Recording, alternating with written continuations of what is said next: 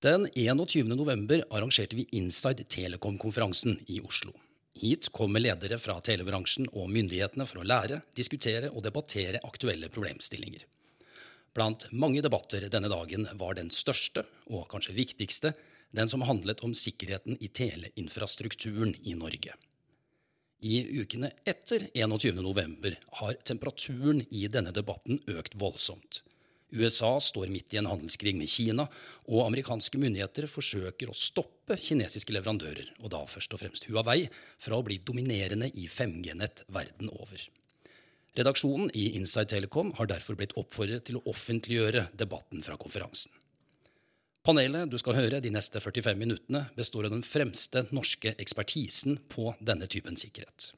Du får møte sikkerhetsdirektør Hanne Tange Nilsen i Telenor, fagdirektør Roar Thon fra Nasjonal sikkerhetsmyndighet, sikkerhetssjef Tore Larsen Orderløkken fra Huawei Norge, direktør Elisabeth Aarsæter fra Nasjonal kommunikasjonsmyndighet, professor Olav Lysne ved Simula Research Laboratory og Kjell Grandhagen, som frem til 2016 var leder av E-tjenesten i Norge. Ordstyrer i debatten var undertegnede. Mitt navn er Varok Kervarek. Jeg kan tenke meg å starte litt med det akademiske perspektivet, tror jeg, Lysne. For du har skrevet en bok som heter 'The Huawei and Snowden Questions'. Uh, jeg lurer egentlig på to ting. Hvorfor tok du fatt på det arbeidet, og hva fant du ut? Ja, jeg kan fort, ja, kanskje begynne med en mikrofon. Det blir alltid mye lettere. Her blir det håndholdt i mikrofonen. Slik, ja, men det skal vi få til. Jo, nei, eh, Dette har egentlig sin bakgrunn Jeg, jeg ledet dette første digitale, digitale sårbarhetsutvalget, eh, Lysne 1. Uh, og så så jeg at dette spørsmålet med, med, egentlig først og fremst knyttet til kinesiske leverandører inn i norsk kritisk infrastruktur, det seilte opp. Og så oppdaget jeg egentlig fra et sånt rent teknologisk ståsted at når jeg spurte mine kolleger rundt om uh, om, om er dette her egentlig noe vi skal være redd for eller ikke redd for, altså er det mulig å legge, oppdage det dersom man, man legger inn funksjonalitet som ikke er ønsket, inn i utstyret man selger. Og da så jeg at omtrent halvparten av mine kolleger sa ja opplagt, lett å oppdage. Og halvparten sa nei. Helt umulig. Uh, det var grunnen til at jeg skrev en bok om dette. fordi jeg skjønte at her må man gå gjennom absolutt hele faget. Uh, absolutt uh, Alle de tilstøtende fagspesialitetene som kan kaste lys over dette. For å finne ut hva svaret er. Så Derfor gikk jeg i gang med det. og bare for å si det med en gang det, det, svaret jeg konkluderte med, var, var ikke så, så, veldig hyggelig. det viser seg å være egentlig ganske enkelt å legge i en uønsket funksjonalitet i utstyr. Dersom det er gjort riktig, så er det for, forferdelig vanskelig å oppdage. Nær umulig å oppdage. Og så er det dessverre da også sånn at det å gjøre dette gir en, en, en, en ganske voldsom potensiell etterretningsmessig gevinst. Uh, og det, det, er liksom de, de tre uh, tunge og vanskelige observasjonene. Og så kommer en vanskelig diskusjon etterpå. ja, men Hvordan forholder vi oss til det faktum? Uh, for det er naturligvis en helt annen diskusjon. Og jeg, jeg synes at hele den diskusjonen får et litt skjevt fokus, for vi snakker hele tiden om Kina. Men vi skal være veldig klar over at det ene landet som blitt tatt på buksa med knærne for å ha gjort dette her, det er altså USA. Men boka di heter The Huawei and Snowden Questions, og ikke The Cisco and Snowden Questions. Nei, Grunnen til at jeg nevnte Snowden, det var rett og slett fordi det var Snowden som lekket ut informasjon om at Cisco var blitt brukt på denne måten. uten at Cisco selv visste det. Ok. Takk så langt, uh, Lysne. Uh, Ton, vi må plassere deg litt i dette bildet. Uh, jeg har lyst til å stille deg et litt sånn banalt spørsmål. Er det dere som er sjef for sikkerheten i Norge? Uh, nei. det er nok mange. Uh, ansvaret ligger jo helt på toppen. Uh, og dette er jo fordelt blant eh, en rekke forskjellige aktører. Uh, E-tjenesten ser utafor landegrensene på en forkorta måte. PST sitt ansvar, vi har vårt ansvar. Uh, så er det en rekke aktører. Nkom, Elisabeth sitter her. Altså er, det er mange her.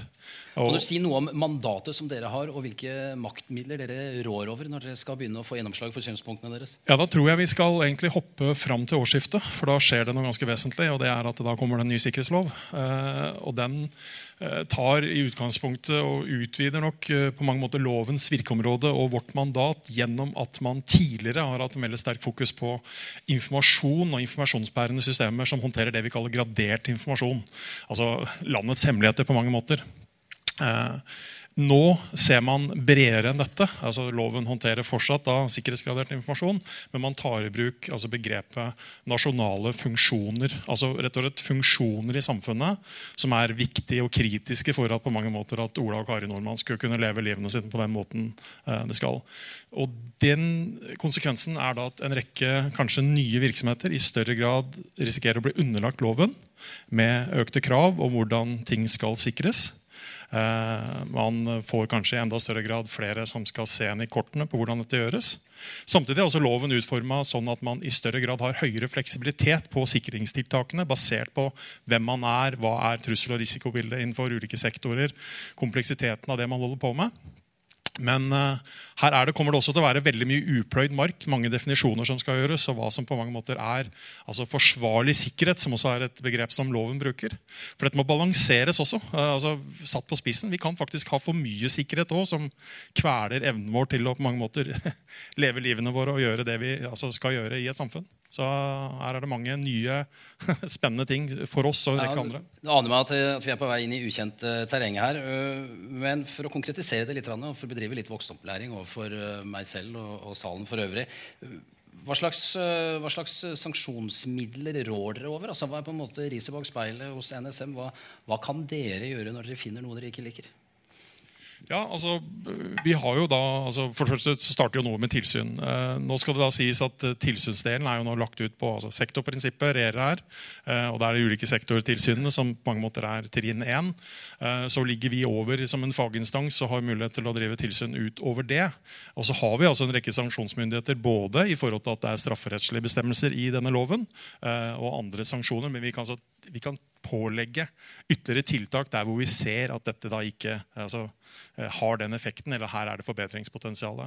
Og så kommer vi ikke bort fra at på et eller annet tidspunkt så blir dette også et politisk spørsmål. Eh, fordi det har eh, kostnader ved seg, og det har en rekke forskjellige ting. og Man har igjen, altså, man skal ikke legge skjul på at altså, sektorprinsippet er også altså, det er et gode, men det er også en utfordring i dette her for å, for å sikre seg. Uh, Elisabeth, uh, nå har jeg satt i gang en liten sånn runde rolleavklaring her. Jeg tenkte kanskje vi skulle gjøre det også for ditt vedkommende. Nasjonal kommunikasjonsmyndighet er du leder for. Hva er deres rolle i dette bildet? Ja, vi skal jo være denne sektormyndigheten da, som uh, Roar peker på her. Og det er, som du sier, det er, det er spennende tider.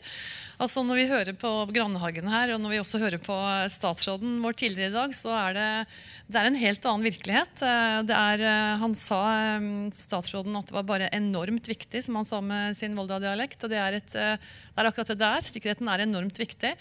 Og denne endringen som har skjedd på disse årene, og nå med den nye sikkerhetsloven, og hvordan da vår rolle da blir viktigere enn den har vært tidligere, den ja, Den er spennende, rett og slett. Eh, og vår rolle er jo da å være den ekspertmyndigheten og spesialistmyndigheten i vår sektor. Og spille bransjen og NSM og, oss, eh, og, og samfunnet gode på dette området, som gjelder da elektroniske kommunikasjonsselskap. Uh, og det er uh, nei, rett og slett spennende. Uh, og jeg syns Roar beskrev godt hva som er rollen til, den, til de enkelte sektormyndighetene under sikkerhetsloven. Og så holder man jo nå i disse dager på å meisle helt ut hva forskriftene innebærer, og hvilke, altså hvordan det akkurat skal tolkes, og hvordan man akkurat skal snakke med bransjen om dette, som vil bli bare veldig viktig. Altså Det å holde kontakt mellom bransjen og myndigheten under den nye sikkerhetsloven, det er, eh, det er en stor oppgave som eh, vi allerede har begynt på, for vi ser jo i grunnen hvor det bærer. Vi hører uh, Lysne beskrive en formidabel kompleksitet når vi går inn i systemene og ser på alle mulighetene som finnes, hvis man ønsker å bedrive litt uh, snusk og fanteri. Uh, har Nkom den kompetansen som trengs for å utføre sin eh, oppgave på en tilfredsstillende måte? Altså, som leder i Nkom så skal jeg selvfølgelig svare ja på at vi har det. Det skulle bare mangle. Altså, det å ha kompetanse om sikkerhet er en grunnkompetanse i Nkom. Men ingen myndighet må tro at man har kompetansen alene. Det tror jeg er veldig viktig å huske. Eh, det er altså så vesentlig nettopp å lytte til eh, de uavhengige stemmene. F.eks. Eh, professor Lysnes bok er en av de tekstene som bare må leses av hele denne salen hvis ikke det allerede er gjort. Det å snakke med andre myndigheter. altså Vi har et tett samarbeid for med Kripos, med Forsvaret, med, ja, med, Statens vegvesen, med Strålevernet, med alle disse som har en aksje sammen med oss da i sikkerhet.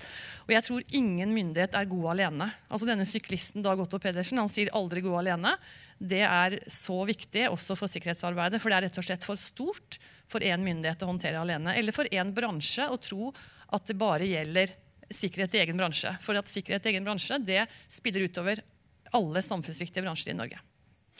Hanne Tange Nilsen, øh, er det oversiktlig og klart for Telenor hvilke etater og myndigheter som har ansvaret for hva, når vi snakker om det totale sikkerhetsbildet i ekom-infrastrukturen vår?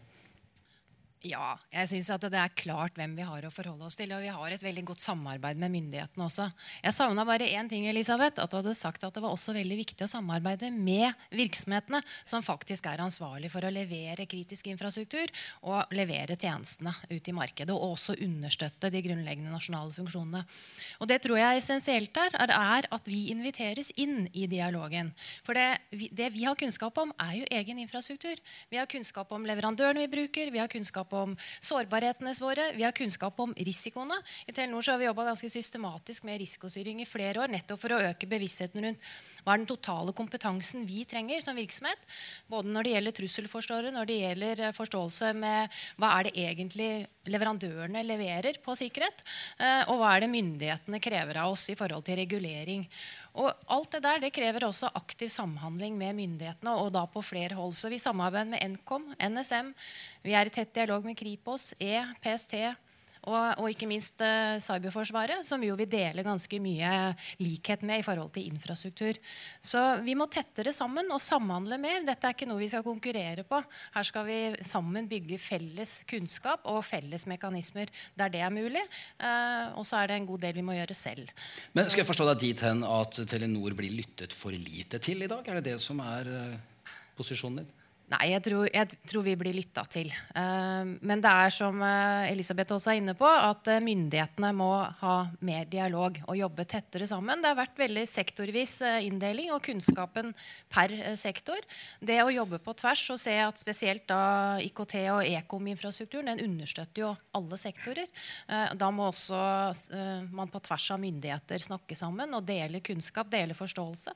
Og dele risikoforståelse, ikke minst. Og det er jo også noe vi savner litt, kanskje, da, eh, det er diskusjonen, flytten vekk fra sårbarhetsdiskusjon til risiko. Og hvordan eh, vi forstår risikoen samla sett. For da kan vi best si hva er det som er det riktige tiltaket, eller de riktige tiltakene. For det er jo ikke bare ett.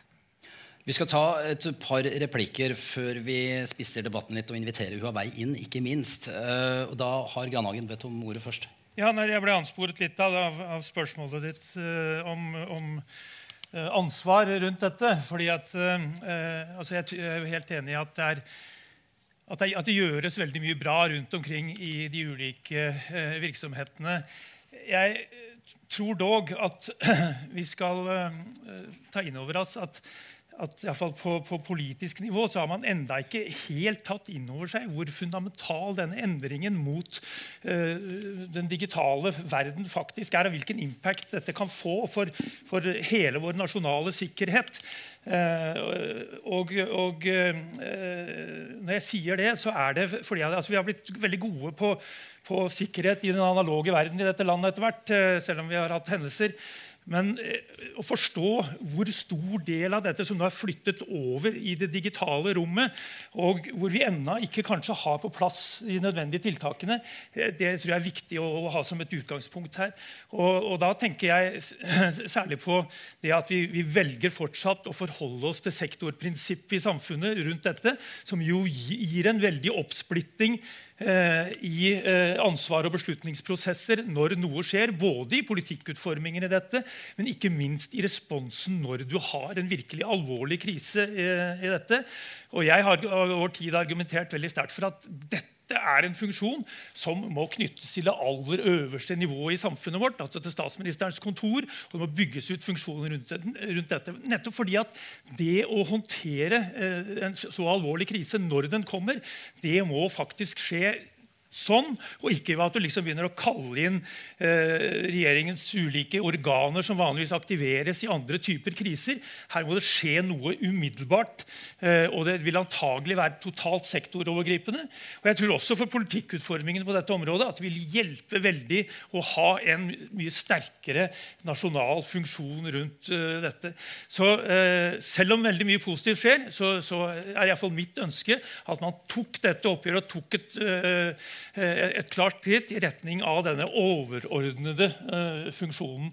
eh, og helt på toppnålen i, i vårt myndighetsapparat. Da har vi plassert det hos statsministerens kontor? Da har vi plassert det hos eh, statsminister Solberg. Eh, Som uansett kommer til å være den som må håndtere en så alvorlig krise. Den er, dette er som en magnet eh, mot statsministeren uansett. Ton, du ba også om ordet. Ja, eh, bare for å kommentere det Kjell sier her. Altså, eh, ser man dette i et lengre perspektiv, eh, og jeg har vært noen år i NSM, så, så kan man fortsatt kjenne på utålmodigheten over å få en rekke ting på plass. Samtidig må man erkjenne at det er en økende erkjennelse av at dette er viktig. Altså, Man har gått ifra en setting til å håndtere IKT til å liksom IKT er IKT, så har man erkjent at IKT er uansett hvilken bransje du er i, det er core business. Og så begynner vi å nærme oss erkjennelsen av at hvis det er core business, så er også sikringen av det core business uansett hvilket nivå man er på. Eh, men altså, man, man er nødt til å håndtere dette på ethvert nivå. Altså Eier av systemer er nødt til å ta ansvar for sin egen sikkerhet. Altså Man kjenner sine egne systemer. Telenor kjenner seg selv best. Det er altså ingen andre som kan komme inn og så si at nå, skal vi, nå overtar vi og skal hjelpe til. Men det finnes altså vi må finne de rette systemene som håndterer dette her. eh, både altså ledelsesmessig og politisk. eh, og så er jeg ikke sikker på om vi er der. Kjell har noen gode poenger her. Eh, til det Hanne Tangen Nilsen sier, så ligger det også i loven, den nye sikkerhetsloven at det er faktisk et helt klart krav til myndighetene å dele mer. eh, mer informasjonsdeling. Og, og hvordan da dette skal gjøres, det, det jobber man jo fortsatt med. eh, og det er alltid forbedringspunkter på det. Skal formodentlig skje digitalt. Ja, altså, men, men også ansikt til ansikt. Altså, vi legger jo opp til en, altså, en real time kommunikasjon på mange felter her. Men poenget er til syvende og sist at nå er det, det, er, det er altså et pålegg i loven over at man skal dele mer. Og det var det ikke nødvendigvis før. Eh, vi må ha med oss Huawei inn i dette. her. Ordeløkken, Jeg vil dra dette litt ned på landjorda. på sett og vis. Vi skal konkretisere det litt. Eh, du representerer altså Huawei. Er dere i virkeligheten sjanseløse? Altså Midt i alle disse hensynene, i alle disse foranstaltningene, all denne sikkerheten som må ivaretas, så skal, jo, skal det drives business, og, og verden skal fremover. Eh, og så hører vi antydet her at selv om man ikke finner noe gærent, så er det ikke dermed sagt at det ikke er noe gærent der. Hvordan ser det ut sett med dine øyne? Det er et eh, veldig godt poeng, eh, fordi mye styres jo av følelser. Eh, og klart Når mediebildet, forsider på VG, sammenligner Huawei med Kina og kinesiske myndigheter, så er det vanskelig å forsvare seg rundt det. Så Det viktige for oss er jo å komme med de fleste faktaopplysninger både om selskapet og om hvordan vi jobber. I forhold til at vi er et privateid eh, selskap. De statlige selskapene i Kina de vil jo få utpekte styremedlemmer, mens vi har jo ikke den rollen. Eh, Vi er jo en eh, teknologisk langt framme bedrift på et globalt perspektiv og har jo gode operasjoner og, og forholdsvis god track record eh, mange plasser. Eh, Men det er, som du sier, eh, å stå imot det her er òg ganske vanskelig. I Norge så har vi vært i elleve år og levert solide tjenester uten å ha vært tatt for noe eller hatt store sikkerhetshendelser. Det samme gjelder jo i de 45 av de 50 største telekom-selskapene i verden. Så gjennom den perioden som vi har levert utstyr, så har vi blitt så grundig testa og ettergått og revidert eh, at vi føler jo det at eh, den teknologiske kvaliteten, sikkerhetskvaliteten som vi leverer, den bør være på et sånt nivå at eh, den diskusjonen ikke skulle være der. Men som du er inne på, den diskusjonen er der. Og Da er det også viktig å, å, å merke seg at vi leverer jo utstyret til våre kunder. I Norge så er det jo operatørene som har den selvstendige risikovurderingen, sårbarhetsvurderingen, for å vurdere om, om det her vi leverer, er sikkert nok og godt nok. Og sikkerhetskravene som vi blir stilt overfor, er ekstreme. Eh, og vi må levere på de hver dag. Det gjør vi både ved at vi har egne testsentre eh, som våre kunder og myndigheter kan komme til. Vi gir tilgang til kildekode, slik at dette kan testes. I tillegg, hvis ikke det er godt nok, at kundene ønsker et uavhengig testselskap for å revidere våre produkter og tjenester, så er det òg en mulighet som vi gir. Så vi føler jo i hvert fall at vi er åpne og transparente, slik at både kunder og myndigheter har muligheten til å verifisere at vi leverer på god sikkerhet, på god kvalitet. Men eh, vi er i en utfordrende situasjon hvor vi har land som eh, eh, gjentar og gjentar et budskap om Huawei. Vi er i en situasjon hvor vi må forsvare hvordan sikkerheten i 5G er. Vi er i land hvor man sier at 4G er kanskje sikrere enn 5G. Vi, vi, må ut med en del faktaopplysninger for hvordan vi faktisk er med å øke sikkerheten. Og Det viktige for oss da er jo at vi ønsker samarbeid. Vi, vi, samarbeider med konkurrentene våre.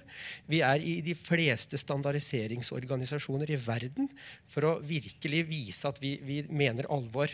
Og En annen del rundt Kina er jo at vi er jo et selskap som har en avdeling med myndighetskontakt og samfunnskontakt. Det er jo for å forstå kinesisk lovgivning. Det er for å kunne påvirke. Eh, I Kina så er det og slik at lover kommer på høring. Og de lovene som vi har lest om i, i Norge, eh, de har jo vi vært med og gitt høringsuttalelser til og har klart å påvirke de lovene. Fordi vi som et globalt selskap er jo ikke tjent med at lovgivningen eh, som Grandhagen var inne på, i Kina går i en retning som da i tillegg skaper større eh, frykt eller eh, minsker vår konkurranseevne. Uh, Lysne, du um fant ikke noe, noe galt, gjorde du det? Det, det, det? det, var liksom som Grandhagen sa i stad Unnskyld, det var vel du som sa det. Det eneste som ble tatt med buksene nede så langt, det er jo amerikanerne. Uh, Huawei Men så har du også sagt til meg en gang at det at man ikke finner en bakdør i en komponent eller i en programvare, betyr ikke at den ikke er der, eller at den ikke kan dukke opp. Her får vi forsikringer om absolutt åpenhet. Alle kan få granske Huawei så mye de vil. Eh, og så er det ganske frustrerende da, å være en stor global aktør og møte disse fordommene, kanskje, eller i hvert fall denne frykten som finnes. Kan du berolige ordreløkken på noe vis? Det, ja. Er jeg på nå? Ja, det var jeg. Uh, jeg er ikke helt sikker på om jeg kan. Uh, altså, la meg aller først uh, ta et lite skritt tilbake og, og, gjenta noe Grandhagen sa, som jeg tror er veldig sant. I denne diskusjonen her skal vi være klar over at de aller fleste som snakker, også har et økonomisk incitament til å si det de sier. Slik at, at hele, hele, diskusjonen er, er, er, skal vi si, når man fra enkelte kretser sier at man for all del ikke må, må kjøpe kinesisk, så skal man reflektere litt over hvorfor de sier det. Eh, fordi det er, det, er, det er økonomiske grunner til å fremme det argumentet også, som ikke nødvendigvis bare er rent sikkerhetsmessig. Og så er det sånn at Jeg, jeg syns, syns, jeg beskriver situasjonen til Huawei på en, på en forbilledlig måte. Den er veldig vanskelig. Uh, de av dere som har sett denne boken min, vil, vil se at, at, det andre spørsmålet jeg stiller, det er hva skal et selskap gjøre uh, hvis det er fullt ut til å stole på for å overbevise kundene sine om dette. Og det er, det er like vanskelig. Eh, det, det, er, det, finnes ikke noen teknologisk måte heller å bygge dette utstyret på på en sånn måte at man kan, kan overbevise noen om sin ærlighet og gjøre det skal vi si, reviderbart. Det er, det er på en måte den, den, andre siden av den samme mynten. Og så vil jeg si at, at, Når det gjelder alt det Huawei har gjort på dette området, så er det helt forbilledlig. Altså, jeg synes de har gått så, så langt som de kunne. Eh, men så er det altså dessverre sånn verden er akkurat så vond og vanskelig at det er helt glimrende, men det hjelper altså ikke. For vi kan fremdeles altså ikke være trygge. Uh, og grunnen til det er at vi må være veldig klar over at det å sikre utstyret mot at en tredjepart skal gjøre noe gærent, det er en helt annen øvelse enn å sikre utstyret mot at det er de som leverer utstyret til deg, som har gjort noe gærent. Det er en helt annen øvelse, og det er vesentlig vanskeligere. Dessverre. Uh, Granhagen, det, kan det tenkes at Huawei har et annet syn på seg selv og sin selvstendighet enn det kinesiske myndigheter?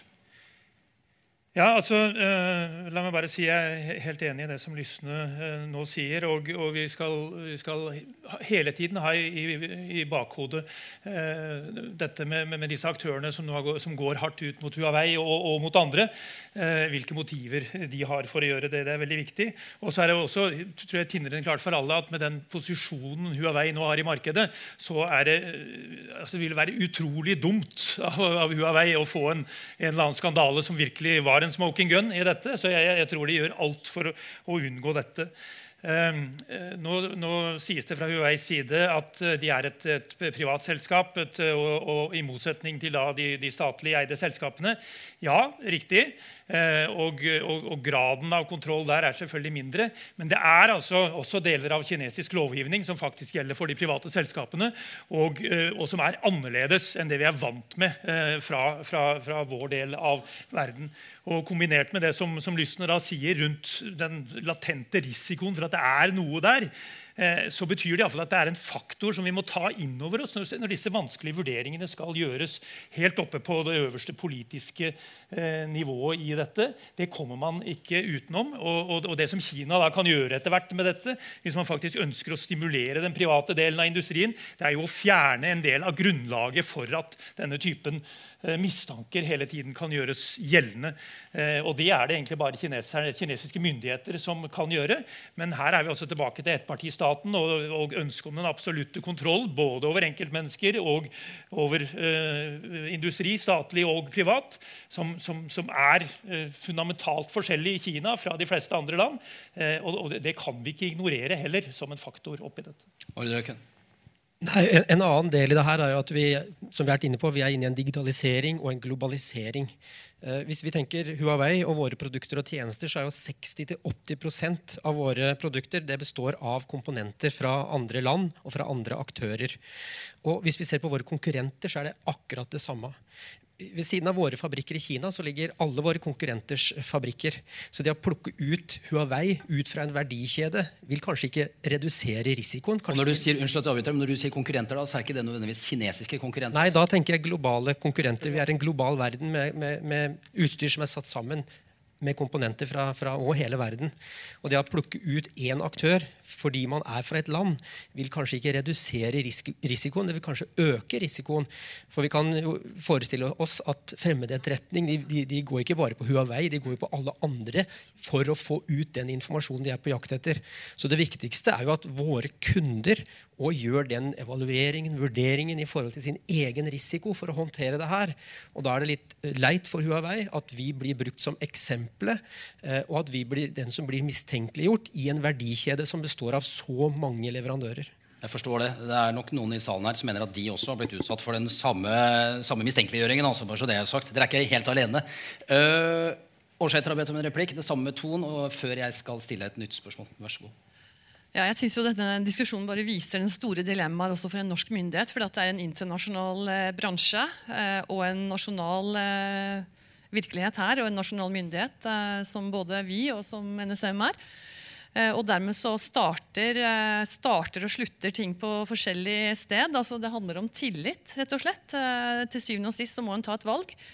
Og dermed så må det være basert i hvert fall på at grunnsikringen da er i orden, både i samfunnet og i selskapene. Og Der mener jeg at vi har noe å gjøre altså både hos myndighetene og i selskapene med å eh, bare ta slike ting som sikkerhetsvurderinger, trusselvurderinger som kommer ut. Det må være en selvfølge at slike ting blir lest, og at man legger til grunn og retter sin virksomhet inn etter dette. Eh, hvem har f.eks. tilgang til ting? Eh, hvem er det du ansetter? Vet du at, eh, at, den du ansetter, er den du ansetter? Hva med sikkerhetsklareringer? Der har vi norske myndigheter en litt dårlig samvittighet, for der er det en, eh, der er det en kø. Eh, det er et problem for at sikkerhetsklareringer eh, av borgere som ligger nært Norge, tar lang tid. Kanskje like lang tid som eh, klarering av folk som ligger virkelig langt unna. Så man har på en måte også noe, Vi har noe å gjøre både på myndighetssiden og på bransjesiden. I hvert fall til å, å ha grunnsikringen i orden, og ikke bare kikke da inn på merkevaren på utstyret, som kan altså gi blindhet eh, hvis det er en, et merkevare som da ikke er fra et land som eh, Norge ikke har samarbeidsavtale med. Så jeg tenker at tillit det er eh, bukta av begge endene. Ja, tillit var vel eh, noe som ble viet stor oppmerksomhet også i Lysnes bok. Eh, Ton, du har bedt om en replikk. Ja, Når vi snakker om bakdører eh, Noen spør meg av og til siden jeg jobber med sikkerhet om jeg sover godt om natta. og Da sier jeg at jeg sover som et spedbarn. Jeg sover godt noen timer, og så våkner jeg opp skrikende, gråtende, utrøstelig. Altså Det er en sånn begge deler der. Men, jeg, men, jeg, tror det er viktig også å, å forstå at når vi snakker om alle de digitale truslene og hendelsene som vi faktisk blir utsatt for som samfunn hver eneste dag, så er ikke de i all vesentlig grad fokusert fokusert på at man utnytter bakdører. Det er altså rett dårlige produkter. Eh, mangelfull implementering, en rekke sårbarheter altså som både er av teknologisk, menneskelig og prosessuell art. Altså, så det er, det er, liksom ikke bare de potensielle bakdørene vi skal tenke på her, men man har fokus på det også. Eh, vi har en, eh, en, enhet hos oss som heter CERTIT, som da sammen med en rekke andre internasjonale samarbeidspartnere, spesielt knytta til Nato, ser på konkrete produkter for nettopp å lete etter sårbarheter som eksisterer, som i realiteten er plassert der nærmest med hensikt, eh, for å sertifisere de produktene, slik at de kan brukes i helt spesielle altså miljøer med høy behov for sikkerhet. Så kan man sertifisere produktet. Allikevel har man ingen garanti for på mange måter hva som kan skje. Og I tillegg så må man forstå at dette er, produktet er én komponent i et betydelig kompleks verdikjede og system eh, som man ikke nødvendigvis da fullt ut vet altså, hva mulighetene ligger i. Og Det er en usikkerhet jeg tror vi bare må akseptere at den må vi leve med. Og så må vi ha mekanismer som i realiteten er i stand til å fange opp ting når det skjer, og være i stand til å håndtere det når, det, altså når ting skjer som vi ikke ønsker skal skje. Så det blir så mye oppmerksomhet rundt uh, onde eller uavklarte hensikter at vi kanskje går glipp av uh, kvalitetsbristene som, som, finnes rundt omkring? Altså, jeg, jeg, opplever ofte at man, man, har en tendens til å fokusere Man snakker veldig ofte om sikkerhet og teknologi og digitalisering på at om fem år så er det dette som skjer oss. Men problemet vårt er at låvedøra vår står sånn halvåpen. og vi har liksom, vi, Fokus burde gjerne fått lukket igjen den før vi på mange måter begynner å bekymre oss om ting som enda ikke helt har truffet oss. på en måte. Det, det tror jeg er et godt poeng. Jeg ser det er mange som ber om ordet her. Jeg har lyst til å stille et spørsmål til eh, Hanne Tange Nilsen. fordi nå har vi hørt eh, hvordan verden ser ut fra, fra Huaweis sin side. og det eh, er jo en, litt av en floke de har havna i.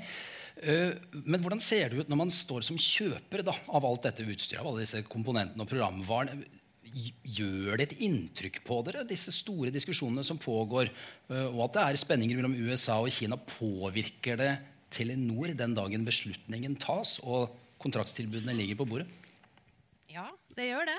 det. Men det er jo ikke noe nytt. Eh, det her har jo vært diskusjoner som har pågått i mange år. Eh, så for Telenor så er dette eh, vært noe som vi har vokst, vokst med. Og, og, det har bredda diskusjonen og engasjert flere og flere i organisasjonen. Ikke bare i Telenor Norge, men også i Telenor. Sånn at du får engasjementet helt fra toppen av i forhold til hva er det egentlig cybersikkerhet handler om.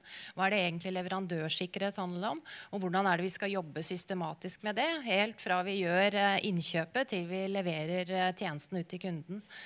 Og når det gjelder eh, akkurat den diskusjonen som går her, så, så, blir mye fokuset på at ja, noen kan plassere noe. Eh, men jeg tror Elisabeth er inne på litt av det som er poenget med at vi må jobbe med systematisk med sikkerhet i alle steder i prosessene. Sånn at du forebygger for på den ene sida, og samtidig skal du ha evnen til å avdekke når noe skjer. For det som er sovende, det er sovende, og det er vanskelig å finne. Men når det aktiveres, når noen eh, aktiverer noe, så må vi ha evnen til å avdekke det. Og det er noe av det vi har satsa mye på. Det er overvåkning, det er logging. Det er å se på hva er det som foregår i systemene, mellom systemene, innenfor nett, mellom nett eh, og ut av nettene våre. Og, og da ut i andre steder i verden. Og det er krevende, eh, men det er eh, noe av det kanskje det, i hvert fall sånn som vi har sett det nå, det beste mekanismet vi kan ha på plass utenom å forebygge for. Og så skal vi se, samtidig ikke se bort fra at vi kan også finne måter å, å altså, vi sitter nå med en diskusjon hvor vi fokuserer veldig mye på sårbarheten. Eh, så ser man ikke det i sammenheng med hva vi har gjort av sikkerhetstiltak. Og hva sitter du igjen med av restrisiko? Og det er den restrisikodiskusjonen vi må ha, vi som selskap innad. Kan vi akseptere det, og kan myndighetene akseptere vår vurdering? Når vi sier at dette er den restrisikovurderingen vi sitter igjen med, og som vi da kanskje mener er ubetydelig for, eh, for statlig sikkerhet, eller vi mener kanskje at den har betydning. Så jeg skulle ønske at vi fikk den dialogen med myndighetene, og også den dialogen med, med både professor eh, Lysne og, og, også for så vidt eh, med Huawei og invitere de inn i å se på hvordan kan de være med på å redusere risikoen fra sin side. For det gjør vi jo med alle leverandørene. Og det er også noe som eh, Det, det blir mye, mye, prat om Huawei her, men alle leverandørene leverer fra hele verden. Og det betyr at vi må gjøre risikovurderinger og trusselvurderinger knytta til hvert enkelt selskap. Og veldig mange av sikkerhetsmekanismene vi implementerer, eller robustifisering og det vi gjør i grensesnittet mot leverandørene, det er likt. Uten å navngi noen, har dere, har dere diskvalifisert eh, anbudsgivere noen gang på basis av en, eh, en sånn sikkerhetsvurdering? Ja, det har vi. Det var jo i hvert fall klar tale. Ja, igjen så er det slik at Mange har bedt om ordet. Uh, Lysne, vær så god. Aller først, Dette synes jeg har vært en veldig god debatt som har kastet veldig mye godt lys over et veldig vanskelig problem. Eh, jeg har lyst til å gjenta når vi nå har kommet dit at vi lurer på hva vi skal gjøre, så jeg har lyst til å gjenta det vi skrev i Lysene igjen. Eh, og som jeg vel også skrev i en kronikk, at Det som nå framstår som det grepet man fra nasjonens side kan gjøre, det er å prøve å tilstrebe en eller annen form for kontrollert heterogenitet i, i, i, i nasjonal infrastruktur. I en sånn grad at man kan, kan i det øyeblikket én leverandør blir oppdaget og viser seg å ikke være til å stole på. At vi kan snu oss mot infrastrukturen og si at vi fremdeles har noe vi tør å bruke. Uh, det framstår for meg fremdeles som, som, som, et godt råd. Og så er det ganske mye arbeid som gjenstår før man eventuelt kommer dit. Uh, jeg har lite tro på, på, på, å forby leverandører fra enkeltland nettopp av de grunner som vi her hørte. Uh, ja, Tange Nilsen. Jeg tenker på i forhold til dette med heterogenitet det er alle, alle, operatørene i markedet i dag har diversitet når det gjelder eh, leverandører, og også hvordan vi bruker de, og ikke minst hvordan er det vi selv drifter og utvikler eh, og, og har kontrollen på nettet.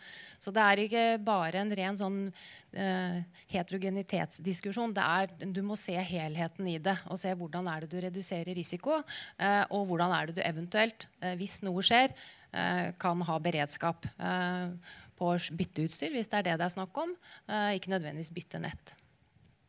Ok, folkens, øh, nå er det sånn at Salen brenner inne med spørsmål. Det har kommet også spørsmål til panelet. Og så kan jeg forsikre dere da, som sitter her om at når dere sender inn disse spørsmålene, så er dere altså helt anonyme. Så det er ikke noen mulighet for noen av oss ja, I hvert fall ikke meg. Til å finne ut av hvem dere er. Skal være litt forsiktig med det panelet her, kanskje. Eh, men da har vi et par spørsmål som, eh, som skiller seg ut. Eh, og det som troner øverst akkurat her og nå, det er følgende. Er sektorprinsippet til hinder for et effektivt sikkerhetsarbeid? Og da er det bare å rekke opp hånda hvis noen har lyst til å Elisabeth, du skal få begynne. Nei, det er jo en styrke for et effektivt sikkerhetsarbeid. Fordi som jeg sa i stad, så har jo alle sektorene da sin aksje i et samfunnssikkerhetsperspektiv og må spille hverandre gode på det. Og vi må eh, bare ha enda tettere samarbeid med Nå fikk jeg en veldig god anledning til å si det som jeg glemte å si, som Hanne Tang Nilsen sa i stad, med både eh, de som møter kunden, og som møter altså både samfunnet og enkeltkunden, og med storebror Nasjonal sikkerhetsmyndighet og med de andre EOS-tjenestene. Så nei, det er en forutsetning og en styrke. Er panelet enig? Det blir færre hender. Granhagen? Ja, altså Alle er jo enige om at uh, alle departementer og, uh, og, etater skal ha sentrale roller i dette. så Derom er det ingen uenighet. Spørsmålet er jo om vi trenger et, en sterkere funksjon på toppen som en overbyggingsfunksjon over dette. Både for politikkutformingen og for, og for, for håndteringen i en krise. Og eh, altså Jeg vil minne om her at det er for så vidt greit med alt det vi kjenner av skadevare og, og trusler i dette domene. Men det er ikke det som skal være øh, det viktigste her øh, i forhold til, til, det som har med nasjonal sikkerhet å gjøre i dette. Eh, for det er altså det som er ukjent. Det er det vi ikke vet noe om i det hele tatt. Og vi må ta inn over oss at dette er en betydelig porsjon av ukjent skadevare som allerede kan ligge der i systemene våre, og som vi ikke har klart å avdekke. Og det er, eh, det er også slik at de som sitter på denne typen skadevare, de bruker ikke det i det daglige nå. De har de forbeholdt å bruke i det øyeblikk hvor, hvor det oppstår en slik type situasjon. Så eh, jeg er en sterk eksponent for at vi tar den dimensjonen mye, mye kraftigere innover oss. Og så er det selvfølgelig nødvendig med alle disse eh, departementsvise og etatsvise initiativene på toppen av det. Det skal ikke dempes i det hele tatt med det. Men det er for liten koordinering i dag på det aller øverste nivået i form av en, en, en, en solid nasjonal eh, strategi eh, rundt hele eh, dette domenet og en, en, betydelig sterkere oppfølging i, i det daglige arbeidet og, og evnen til krisehåndtering. Da skal panelet få en, eh, en, utfordring til fra salen. og Det er en uh, kjapp sårbarhetsvurdering. Hvilken sektor er mest sårbar eller attraktiv for cyberangrep? Telekom, energi, helse, finans, transport og logistikk eller annet. Ton, du kan få lov til å bryne deg på den. Ja, altså Spørsmålet i seg sjøl blir litt sånn uh, håpløst, syns jeg. Fordi det betyr at vi ikke tar inn over oss hvor sammenvevd dette faktisk er. Uh, altså, vi knytter ting så mye sammen at skal man ramme det ene, altså som f.eks. er strøm, så kan starten på det like gjerne være at man går inn i helse. for å si det på den måten, altså i en overført betydning. Uh, og så kommer vi ikke bort ifra at noen ting eh, sannsynligvis er viktigere for oss for at andre ting rett og slett skal fungere. Ting henger sammen. Uten strøm så stopper Norge, sånn kort og godt. Og det er mange andre ting som er også særdeles viktige. Men, men, i mitt arbeid så prøver jeg å gjøre et poeng av at man må ikke gå i den fella og si at det er, det er dere som er viktige viktige her. Det er dere som er de, de, viktigste. Og så trenger ikke dere andre å bry dere så mye om dette her. Dette er noe alle egentlig er nødt til å være på topp på. Hvis vi skal krisemaksimere litt, la oss nå si at uh, Huawei eller kinesiske myndigheter har uærlige intensjoner. Uh, I dag så er uh, Huawei er jo en, en, prominent leverandør av utstyr i, i norsk digital infrastruktur. Er løpet kjørt tom? Altså, De er jo allestedsnærværende. Nei, men altså, Da tror jeg at litt tilbake til det Kjell Granhagen nevner. Altså, Nasjonale kapasiteter innenfor cyberkrigføring hvis jeg skal bruke sånn uttrykk, det kjenner vi ikke til. Det er ingen i realiteten i en altså, konflikt som i størrelse har vist sin reelle kapasitet på hva de er i stand til å gjøre i det digitale rom. Og Det er noe som kan skremme oss, og som er en betydelig sånn usikkerhetsmoment. Men jeg tror rett og slett ikke vi vet hva vi snakker om før noen av de store faktisk tar fram dette. Og dette handler da ikke om Huawei som selskap eller et annet selskap. Det handler om nasjonale kapasiteter. Også et land som bestemmer seg og viser fram hva de faktisk er i stand til å gjøre. Orde Løkken, Eh, vi hørte Telenor bekrefte i stad at ja, de har diskvalifisert uh, tilbud. Det har skjedd på basis av sikkerhetsvurderinger. Vi vet ikke hvor eller når. Uh, hvordan tror du Huawei har måttet lide for, for, den debatten som har pågått nå i månedsvis? Altså, har, har dere mista business? Det er helt klart at vi lider eh, for ethvert medieoppslag eh, som kommer rundt den saken her. Og Det som er litt eh, skummelt for oss, det er i tillegg at eh, mediedelen den skaper diskusjoner i det politiske miljøet, eh, som igjen skaper litt sånn furore i både departementer og direktorater. Eh, og Det som vi er avhengig av, det er jo en rettferdig konkurranse. at den ikke blir styrt av følelser eller mediedebatten. Men ja, det er helt klart at vi blir stilt mye flere spørsmål nå. Jeg er med mer ute hos kunder nå enn tidligere i forhold til å bevise hvordan vi jobber med, med cybersikkerhet, hvordan vi gjør våre evalueringer, designprosessen helt ut i leverandør, kjede, supply chain-delen. Så ja, eh, vi merker jo selvsagt eh, den debatten. Så den rettferdige konkurransen, det er den vi må, må både snakke med kundene våre og myndighetene om at vi må ha en rettferdig konkurranse rundt det her. Og det perspektivet som var litt oppi i, i spørsmålene her òg. Eh, man må òg se på Eh, andre aktører og deres intensjoner, som Grandhagen var innom her, og hvilke motiver man har for å komme med både påstander og litt udokumenterte fakta. For det er flere aktører her som selvsagt eh, er på, på banen, både for å, å, fremme sine interesser og for å skade våre interesser. Så vi må ha det bildet litt mer nyansert enn bare å gå på, på, på Kina og Huawei. Elisabeth, nå tyder alt på at nødnettet skal sys inn i kommersielle mobilnett. og Da øker jo denne sårbarheten igjen. Da, eller hvordan, hvordan er det? Blir du, blir du bekymra? Mm, ja, så Nattesøvn har jo vært noe eh, tema i flere av Og hvis du sover som en baby, så vet jeg ikke åssen jeg sover, men det kan ha noe med alderen å gjøre. Um, jeg tror ikke det går an å være statlig leder med dette ansvaret som, som er i denne sektoren, uten å si at man er bekymra. Det tror jeg må være en del av genene. Men jeg har veldig stor tro på det offentlige, offentlig private samarbeidet som ligger i en sånn eh, sak som nye nødtjenester. Eller nytt, nytt, ikke nytt nødnett, det heter ny nødkom ja, fremtidens nødkommunikasjon, heter det. For å gjøre det helt riktig. Eh, og akkurat hva som skal ligge i det, Man holder jo på med denne konseptet nå for å velge hva samfunnet skal ha som nødkommunikasjon de neste årene. Men der er jeg veldig optimistisk. Jeg synes at Vi skal huske på at vi har de beste mobilnettene i verden. Vi har en sikkerhetskultur i Norge som er helt i front. Og så har vi, som Grandhagen sier, vi har en, en ukjent X, og den kan ramme oss før vi har forstått det engang. Men min tro på det samarbeidet der er, eh, ja, den er nær 100 det er veldig godt å høre, og Det blir siste ord i denne omgang. Vi kommer legge til at vi har med oss Direktoratet for uh, samfunnssikkerhet og beredskap, som skal få ordet senere i dag. Da skal vi snakke mer om nødnettet. Vi er ved veis ende for denne gang. Gi dem en applaus, da!